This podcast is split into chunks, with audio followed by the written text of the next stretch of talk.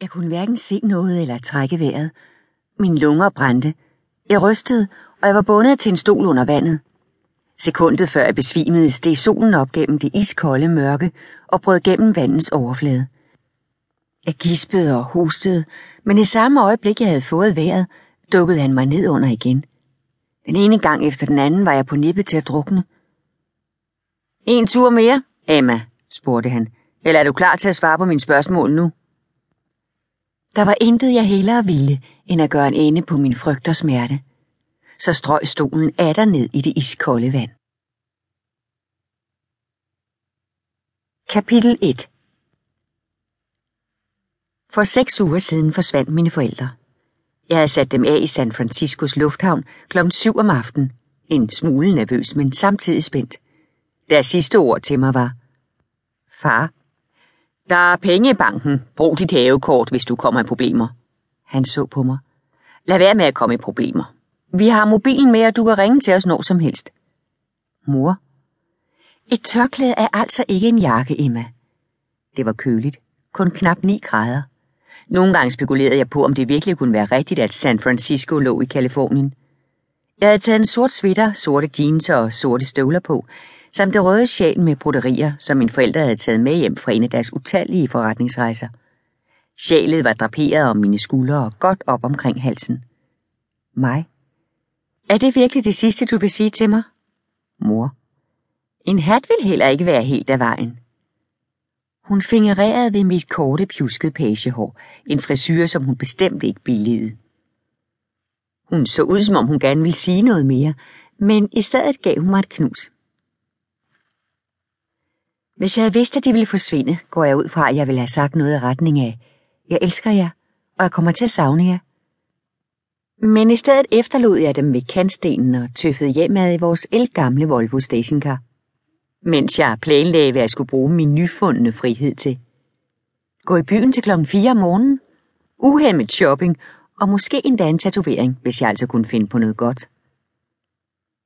I håbet om at finde inspiration travede jeg rundt i vores mausoleum med et hus. Helt seriøst, vores sofabord var en stensarkofag. Vi spiste nærmest mad direkte ovenpå en eller anden egyptisk mumie. Mine forældre var helt pjattede med de døde, eller i hvert fald med de dødes ejendele. De solgte antikviteter i en butik, som lå lige under vores lejlighed på Fillmore Street, og hele lejligheden var fyldt med fortidslevn og ikoner. Selv sofaen var 150 år gammel, og af hestehår inklusiv støvmider og det hele.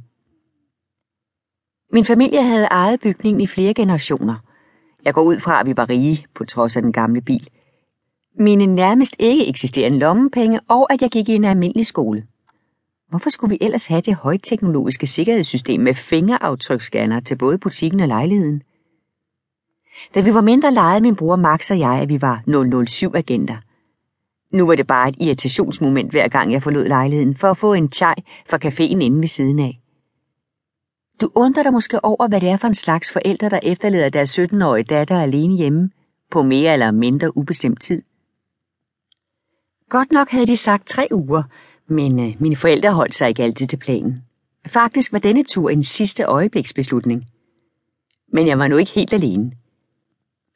De havde helt nøjagtigt en ansat, Susan, som havde passet butikken for dem gennem de sidste 10 år, og det var meningen, at hun skulle se efter mig. Susans datter, Abby, var min bedste veninde, med eftertryk på var.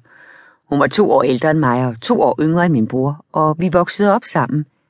Vi var altid sammen efter skole, hvor vi snakkede om drenge, vi godt kunne lide, og diskuterede vores fælles problem med flossede negle. Abby og Max var også nære venner.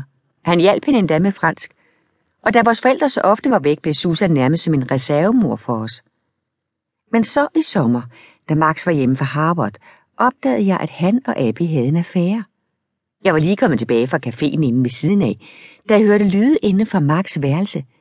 Jeg vagede ind uden at banke på og opdagede dem, hvilket gav mig en helt ny vinkel på det at lære fransk. Jeg så mere af Maxes hud, end jeg havde set siden jeg var helt lille, men jeg havde alligevel bortcensureret så meget fra min fortid. Det blev bare endnu et billede, som jeg kunne føje til den samling. De var begge to gladere, end jeg nogensinde havde set dem før, og i de næste to måneder var alt godt. Så slog Max op med hende. Abby var sønderknust, og jeg